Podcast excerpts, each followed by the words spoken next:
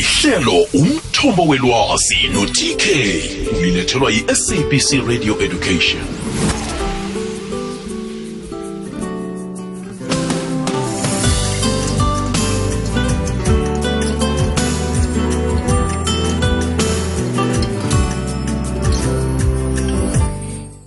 Ikwekwezi FM kukhanya ba. Siyalochisa siyakwamukela. Mlaleli indambama namhlanje kungomvulo usabhinqela lakusasa ilanga. Sithokoza khulu kwamambala ukufumana ubeka indlebe njenganje nawe usanda uvulela umhatsho awukachaphi kwekwezi FM kukhanya ba. Mlaleli kwekwezi FM ihlelo lethu umthombo welwazi lihleleke kuhle khulu kwamambala.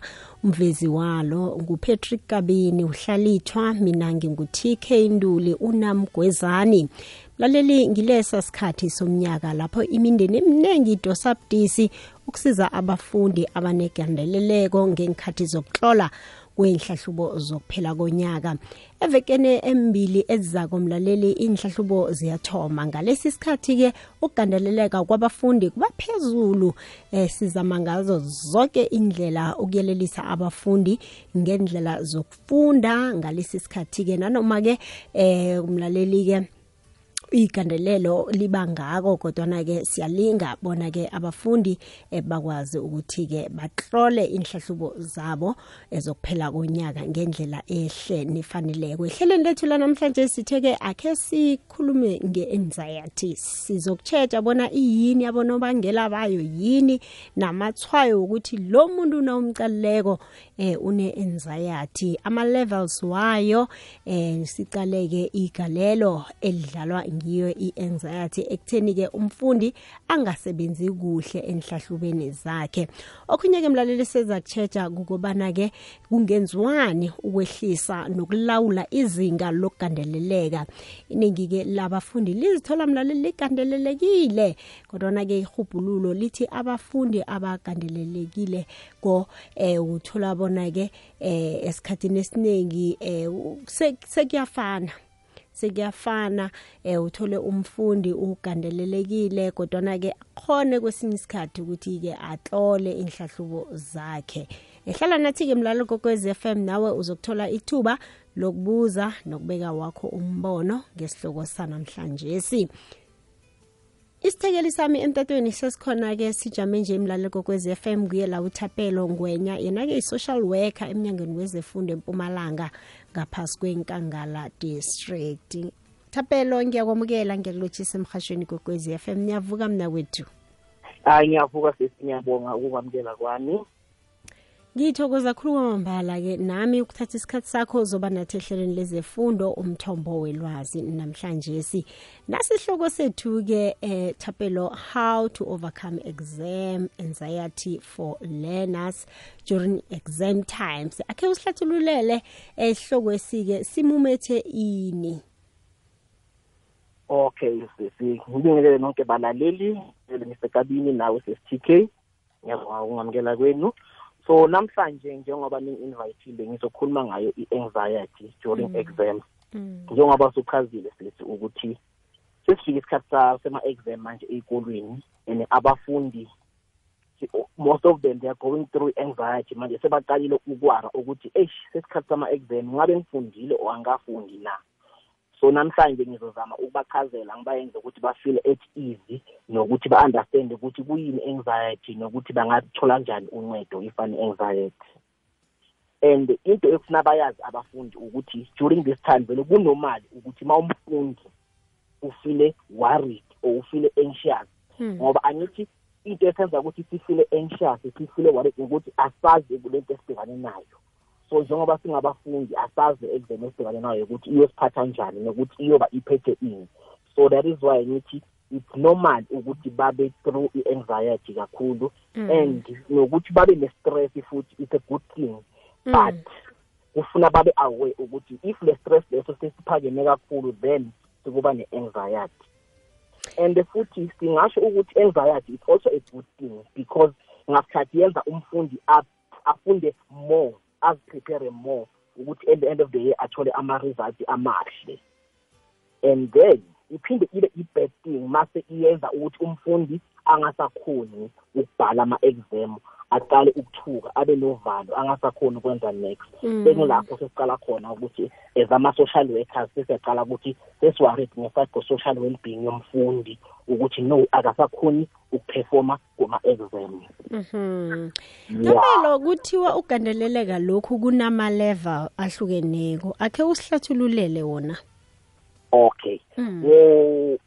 Eh lana u-exam anxiety kuna-two types of ama-exam anxiety Mm. kunezilento isibiza ukuthi i-low anxiety i-low kusho ukuthi into encane angithi Mm. and then lelo anxiety lena kula khona umfundi abakhona no- novalo athuke but kancane and then akhone futhi ukufocusa kuma-exam wakhe Mm. leyo leyo level of anxiety leyo iyamenza umfundi ukuthi ach- still achubeke akhone ukufunda akhone ukufocusa. Mm. and then sekuba nale sibiza ukuthi i-high anxiety. Leyo high anxiety ingakhona umfundi seyangasakhoni ukuperforma angakhasakhoni ukwenza lutho sekafila khona eh sothukile sonovalo akasazi ukuthi enze njani akasakhoni ukubhala i-exam i-well-being yakhe vele ayisamvumeli ukuthi aphase abhale yini abhale leyo exam. So that is why sithi yilapho seyikhona sekuyi-high anxiety ilana khona seyenza ukuthi angasakhoni ukwenza aperform ex- excellent e- e- emfundweni zakhe Mhm. Kanti ke eh ukugandele lokhu ke kubangelwa yini? Khulukhulu ngalesi sikhathi senhlahlubo zokuphela komnyaka yini ebangela ukuthi umfundi agcine sekane anxiety abanevalo ahlangahlangana angasazi ukuthi ke kufanele enzeni? Okay ngiyawuthanda lo mbuzo kakhulu because wonke abafundi bazibuza lokho ukuthi Mm. kanti yini ebanga i-anxiety Mm. eh into ebanga i-anxiety kokuqala mama ukuthi eh singabafundi sibhilivela ukuthi sizofunda ngema last minute Mm. ukuthi njengoba se-October manje sengiyibonile i-exam yami ya ya ya ya ukubhala ama exam yami ya ya November sengizoqala ngifunde manje or I will study a night before and ayi- ayisebenzi njalo when it comes to i-exam. I-exam siyiqala ukuziprepherela yona makuqala umnyaka bakuthoma umnyaka.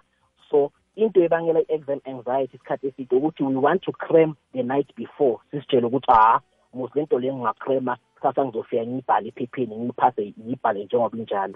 So that is why sesithola umfundi ekuseni sokuba ne-nervous breakdown akasakhoni ukubhala leyo exam leyo le bekacreme yona. And then enye into futhi ebanga anxiety ukuthi eh ukuzicomparisha nabanye abantwana ukuthi uyabazi abangani bakho ukuthi no abangani bami ba- ba- ba- ba- bathola ama-A student labathathe sibabiza ukuthi ama-A student. So wena ufuna ukuzifanisa nabo labo bantwana labo ukuthi no ufuna ukuperforma njenga-my fellow peers. Kanti akuhambi njalo when it comes to abafundi. If uwumfundi kufuna uzazi ukuthi wena ubani nokuthi ufunani empilweni. So by not worrying more about i- i-performance yabanye abantwana naleyo nto leyo ikwenza ukuthi ungakhoni u- ungabi nayo i- i- i- i-exam anxiety. And then futhi Mm. eh nokuwarishisa about eh i-past exam performance ukuthi no mina ngo- ngo- ngojuni angizange ngiphase kahle. And then socabanga ngale nto leyo ukuthi no mina ngojuni njengoba ngingakaphasanga kahle and nango-september njengoba ngingakaphasanga kahle. Kusho kona nokuthi namanje ngose-final exam angeke ngiphase kahle. So nayo le nto leyo kuyayibanga kakhulu exam anxiety ukuthi wena you are worried about the past performance yakho on previous exams Mhm. yebo. Tapelo ngifuna sikhambe sokusela amanzi. Nasibuyako ke sibaphe ama tip wokulawula i-anxiety? Ukuthi Okay. nangabe akhona ama tip ukuthi ke bayilawule. Umunye umfundi yinto embambileko sikhuluma nje uyazibuza ke ukuthi okay sengiyazi ukuthi ibangelwa yini kodwa na ke eh solongana seyikhona nje yini ekufanele ngikwenze ukuyilawula i-anxiety? Siyabuya mlaleli siyokuthengisa. Ikulumo ithi isitshaba esingatlhogomeli ilutsha asinalo ingomuso. Ngikho kukwekwezi fm sikulethela amahlelo wakho muntu osakhulako. Ngomgqibelo state your mind. Zikhulumele nosimpida p usimpiwe ndaba ngesimbi yethoba ngesimbi yeshumi nambili hlangana nolucat usimanga mahlangu kuteen zone. Sibatsha begodu sibahle. Ngena emoyeni nicoce ngezinto ezinithindako njengabantu abatsha nabasakhulako. Umkhanyo ukhona. Kukhanya ba. Lihlelo umthombo welwazi no-tk ulilethelwa yi-sabc radio education.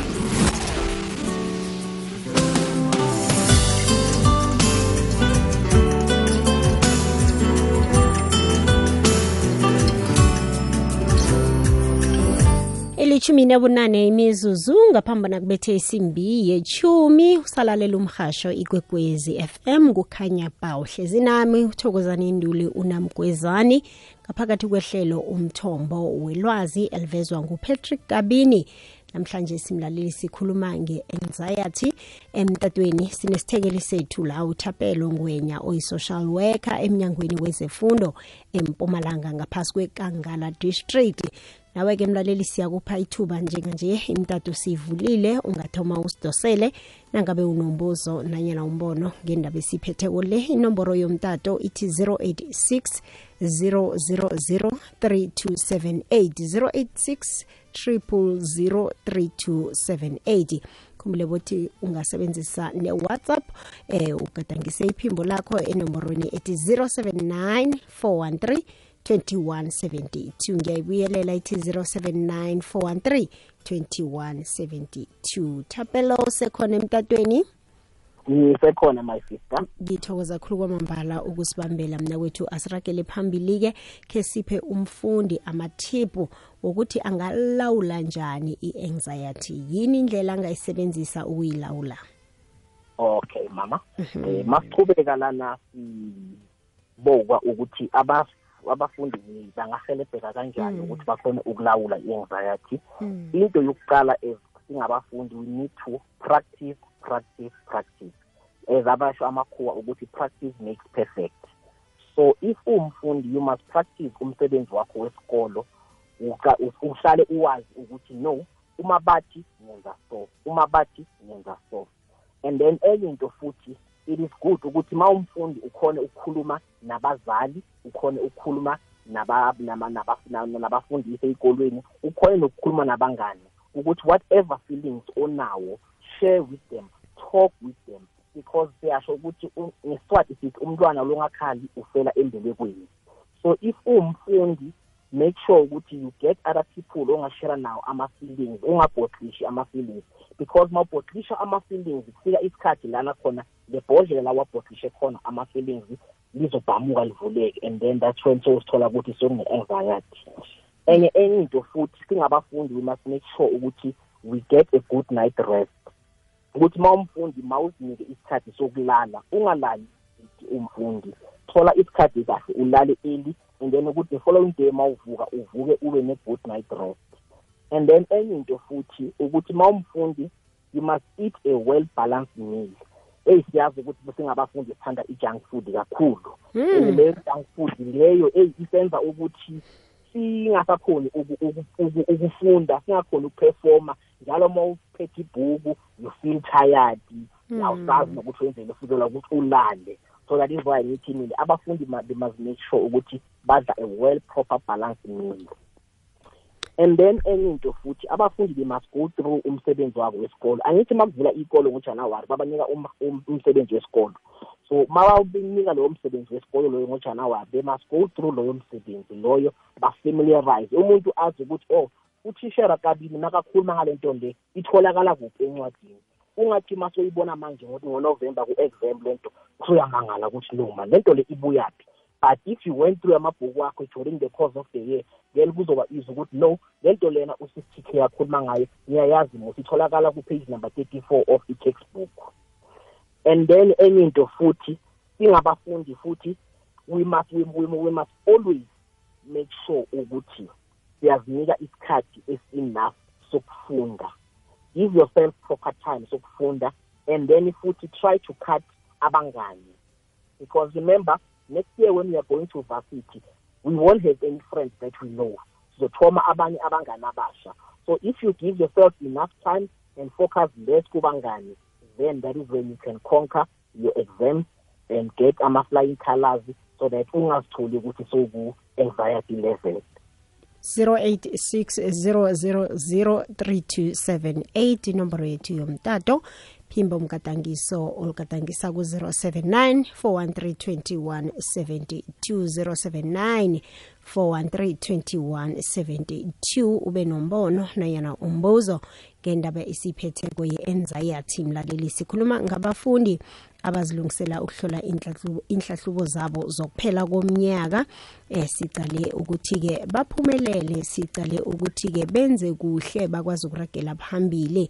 Manje ke sicale anxiety ukuthi yona nasele ifikile bayilawula njani? Eh sikhuluma ngabafundi laba abahlelileko nalaba abangakahleli isemahlangothini wonke njengomana ke uthapelo ayihlathulula. Nasiragela phambili ithapelo akhe sicaleke ukuthi-ke ukugandelela leka lokhu-ke um mhlambe-ke um kunegalelo elingangani ekusebenzeni kuhle komfundi? Ngikhuluma nge-impact on performance. Ya i-anxiety ine-impact enzima kakhulu kubafundi mama. Because at the end of the day eh sithola abafundi sebangasakhoni ukufunda eklasini. Seyangasakhoni ukuperforma and then at the end of the day umfundi isakasakhoni ukuperforma then so sithola sekenzeni sekaba nema-depression sekaba nama-stress and then once umfundi sekadevelophe those symptoms ama-stress ama-depression then sokulideka to what? To i-suicide. Siyayibona i-suicide it's very rife in our learners these days. And then masilandelela ukuthi what causes i-suicide? Siyabona ukuthi no abafundi they are so anxious bane-anxiety they are so anxious about their future. They don't know ukuthi bangakhopha kanjani because abazi ukuthi bangayaphi. So i-anxiety singasho ukuthi ine-impact kakhulu ku-mental health yabafundi. And since njengamanje njengoba siku-october october siyibiza nge-ukuthi i-world mental health month. Mm. so that is when sibheka ukuthi i-mental health yabantu i-positive so that we don't uh, come across such situation whereby sesithola abafundi sebazibulala sebangasakhoni ukuperforma naba naba naba sebangasakhoni ukuperforma kuma kuma studies wabo.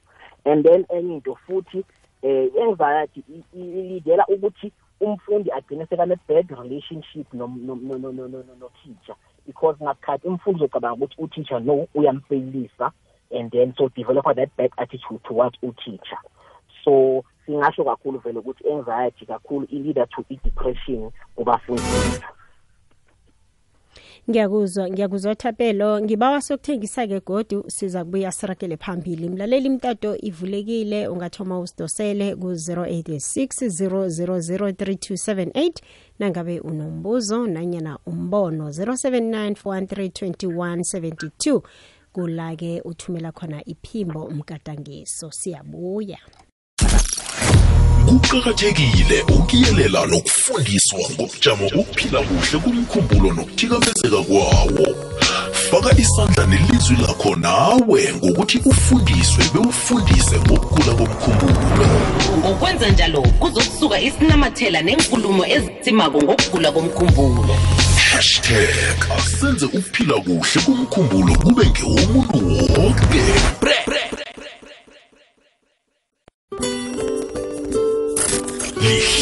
umthombo welwazi no-tk lilethelwa yi-sabc radio education.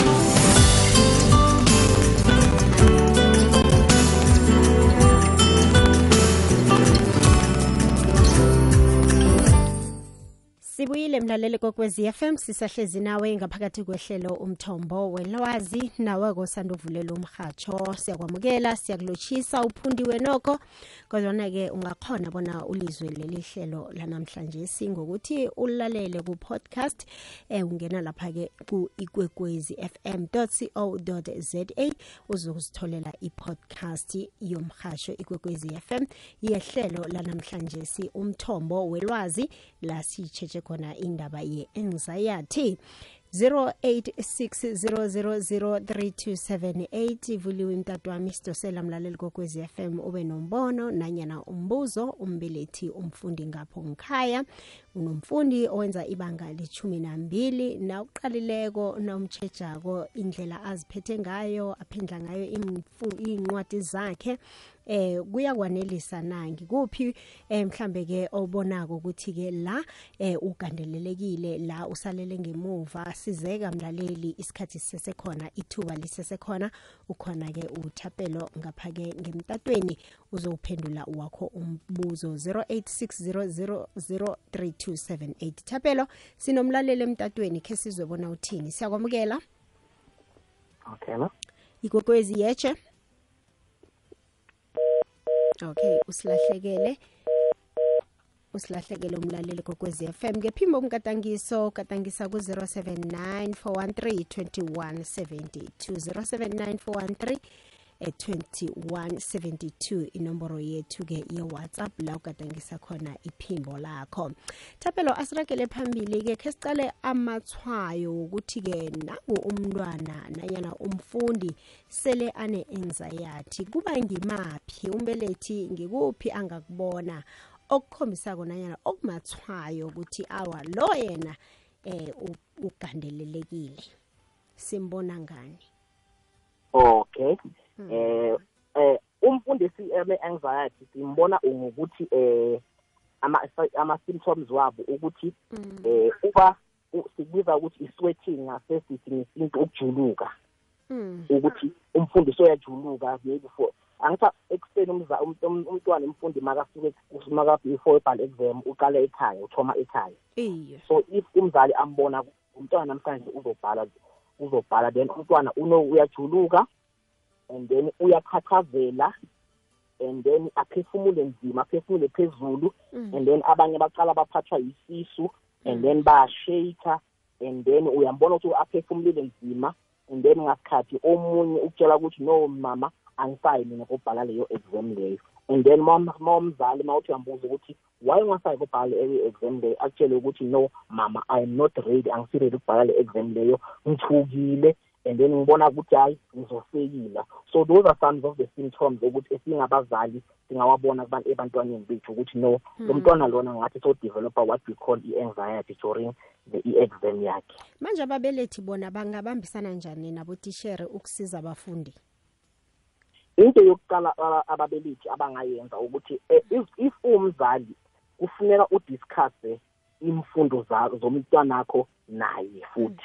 As a parent kufuna ukuthi umntwana akho makaphuma ekuseni umazi ukuthi uyobhala what exam.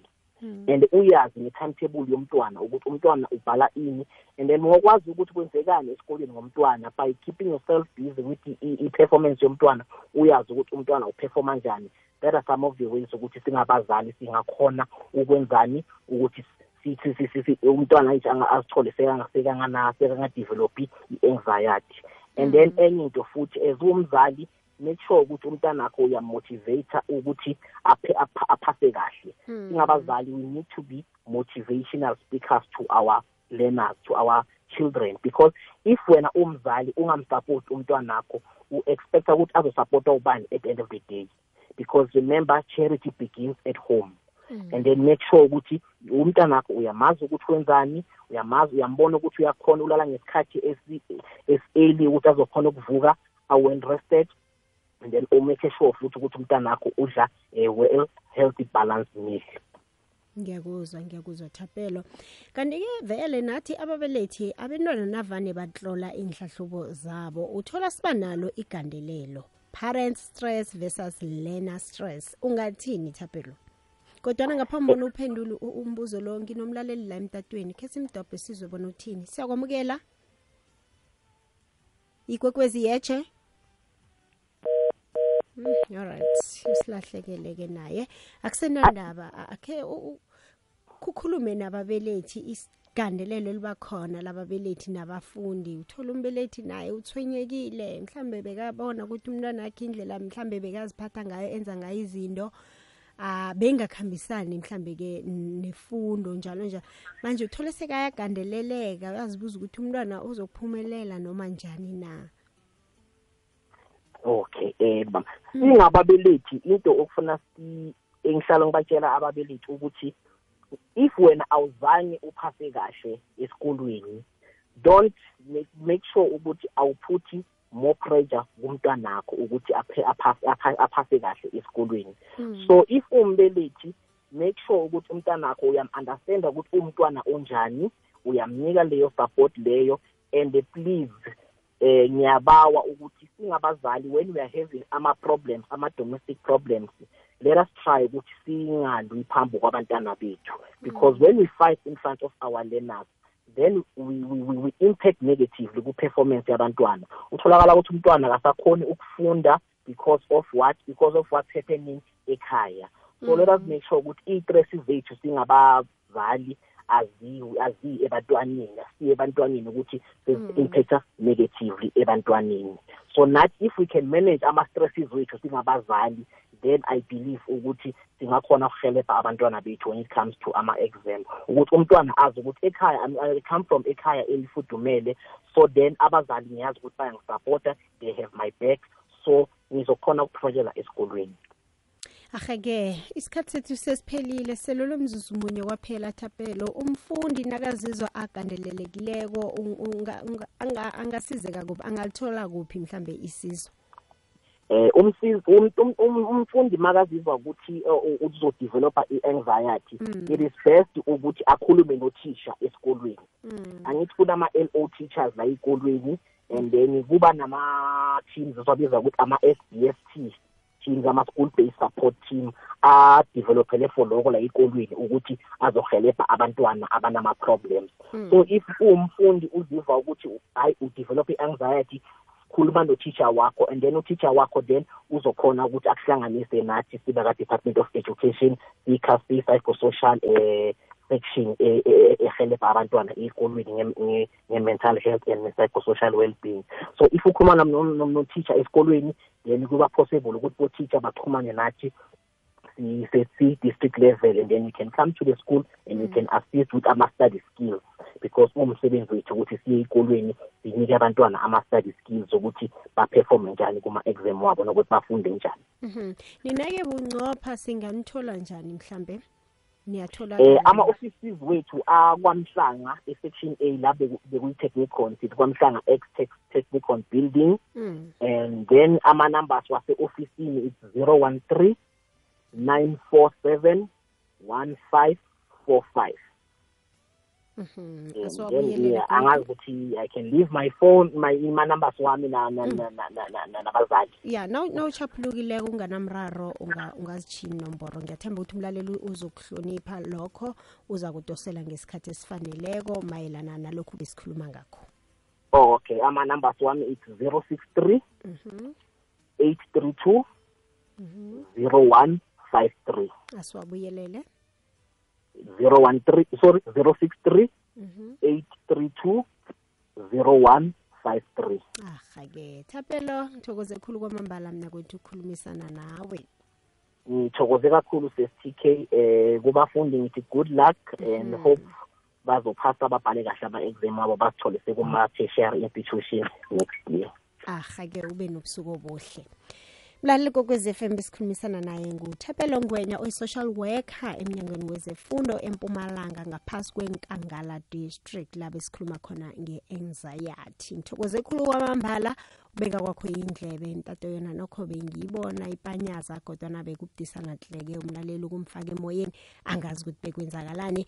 Mlaleli kokwez FM kusasa-ke nakanjani ngikhona kodwa ungaphakathi kohlelo commerce and finance ihlelo lezemali livezwa ngutate sikhosana. La namhlanje sike imthombo welwazi belivezwa ngupatrick kabini uhlalithwa mina ngingu-tk unamgwezani umindlo love makhuthalelo ezimfaneleko ukhona ngaphakathi kwehlelo sizigedlile bekubethe isimbi yechumi nambili beka indlebe mlaleli kwekwezi fm ngiyakuhamba-ke njenganje um ungitshiyele umvumo naku umindlo love athe tk ngiza kuba ukuthi-ke udose nasi ingoma oza kuphuma ngayo-ke ehlelweni lezefundo. Khe ngiyithole msinyazana nasi yona. Ngiyathokoza mlaleli kwekwezi fm asihlangane kusasa.